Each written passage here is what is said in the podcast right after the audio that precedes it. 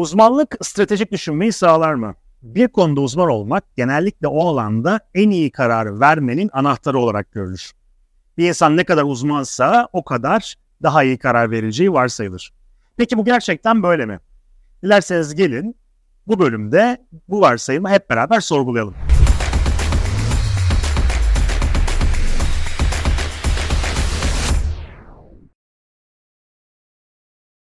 Uzmanlık tabii ki çok önemli. İnsanlar bir alanda derinleşiyorlar, yıllarca çalışıyorlar ve önemli bir bilgi birikimi elde ediyorlar.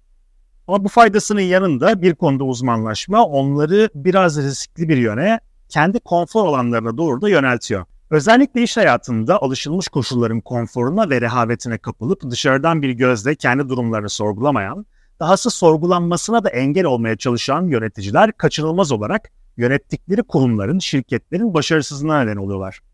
Bu durum özellikle bir konuda uzun yıllar boyunca zaman ve emek harcayan insanlarda görülüyor. Uzmanlık edindikleri konularla kendilerini o kadar çok özdeşleştiriyorlar ki bir süre sonra dünyayı başka bir gözle göremez oluyorlar. Hepimizin bildiği o ünlü sözde olduğu gibi elinde çekiç olan insanlar bir süre sonra her şeyi çivi olarak görmeye başlıyorlar. E, her sorunu çivi olarak gören karar vericilerin aslında meselenin çivi olmadığını anlamaları gittikçe daha da zorlaşıyor. Şimdi gelin bu durumu çok iyi anlattığına inandığım bir Anadolu hikayesiyle devam edelim.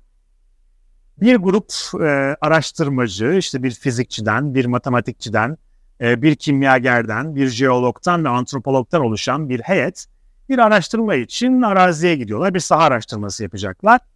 Birden yağmur bastırıyor. Onlar da ne yapacaklarını şaşırıyorlar ve hemen yakındaki bir arazi evine sığınıyorlar.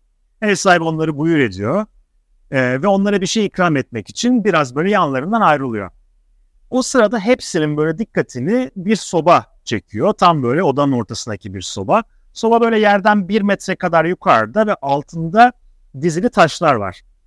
Şimdi kendi aralarında bir tartışma başlıyor. Sobanın niçin böyle kurulmuş olabileceğine dair aralarında bir tartışma başlıyor ve hepsi kendi perspektifinden konuyu dile getiriyor. İşte kimyacı diyor ki efendim diyor bu adam diyor sobayı yükselterek aktivasyon enerjisini düşürmüş.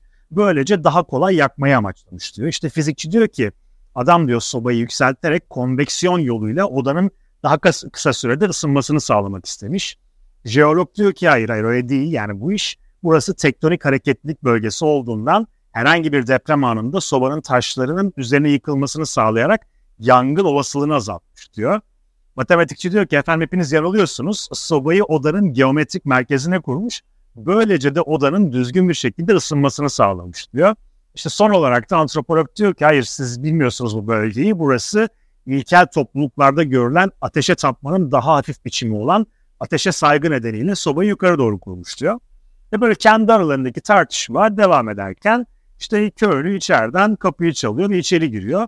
Ev sahibi geliyor içeriye e, ve işte elindeki çayı da ikram ederken misafirlerine e, diğer konuklar biraz önce kendi aralarında bu büyük tartışmayı yapan konuklar ona soruyorlar. Diyorlar ki soba neden bu kadar yukarıda? Bunun bize nedenini söyler misin? Köylü de onlara dönüp diyor ki yani boru yetmedi ağam diyor. Şimdi kıssadan ise herkesin ayrı noktaya bakmasına rağmen farklı sonuçlar görmesinin böyle temel bir nedeni var. O da o güne kadar edindikleri uzmanlıkla yakından ilişkili.